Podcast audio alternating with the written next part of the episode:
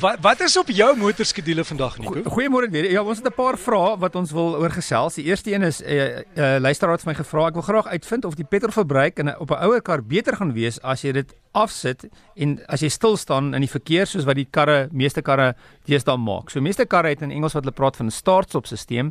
Met ander woorde, as jy stop, dan skakel die engine af en dan wanneer jy die rem los, dan skakel die engine weer aan. So dit help 'n klein bietjie om die brandstofverbruik uh, om met die brandstofverbruik, maar ehm um, ouer karre vir alles nie ontwerp daarvoor nie. So die die die aansitter of die knormoer in Afrikaans gaan nie hou wanneer jy self die uh, aan en af en aan en af deel. Hy's nie ontwerp daarvoor nie. Die engine moet spesifiek ontwerp wees daarvoor om aan en af te skakel.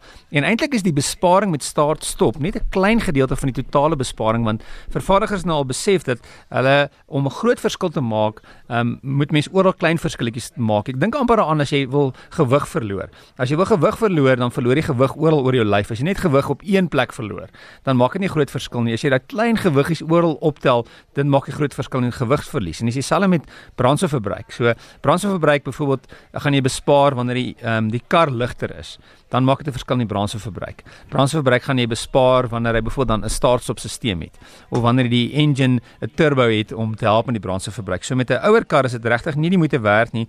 Ek dink jy kan eerder jou bestuurstyl aanpas en dit sal 'n verskil maak aan die brandstofverbruik van die voertuig. Die tweede vraag is ehm um, iemand het vir my gesê gevra wat is Apple CarPlay? Ek het nog gelees van CarPlay en, en baie vervaardigers ehm um, het dit nou al beskikbaar in hulle voertuie. Ek het die laaste 2 weke het ek met 'n Datsun Go gery en toe met die nuwe Nissan Micra en albei het CarPlay gehad. Nou CarPlay is iets wat jy kry saam met 'n Apple foon. Ehm um, as jy 'n Android uh, stelsel het, dan gaan jy kry uh, wat hulle noem Android Auto. So met 'n Apple foon is CarPlay klaar deel van die foon en met Android Auto moet jy na die Play Store toe gaan en dan die toep aflaai op die foon en dan werk albei. So die kar moet die vermoë hê om om om met albei te werk. Sê nou maar met met Android Auto of Apple CarPlay.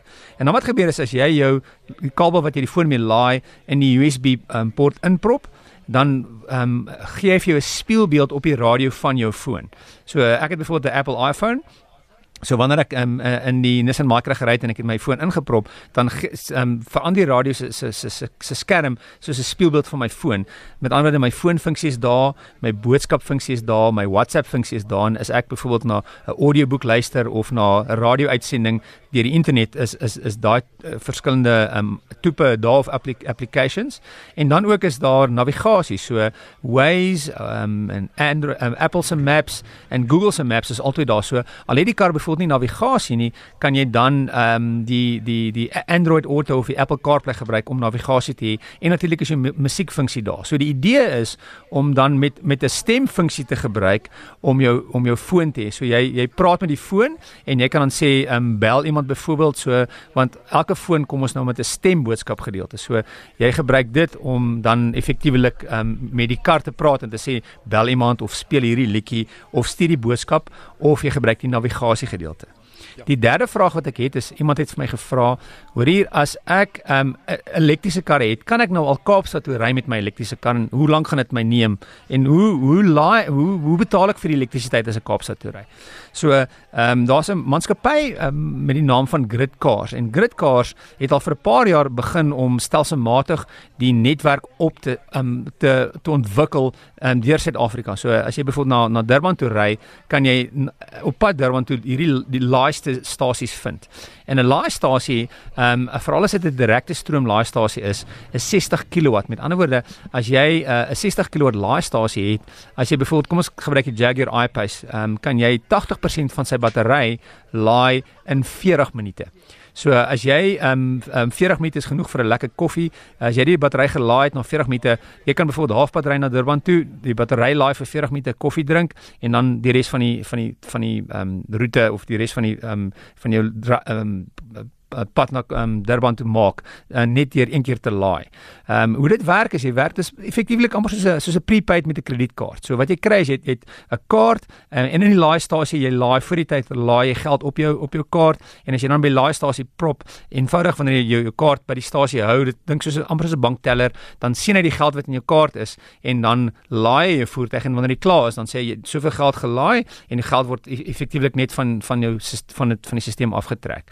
Ehm um, Om in die Jaguar byvoorbeeld weer eens die I-Pace het 'n baie goeie ryafstand van omtrent 460 km.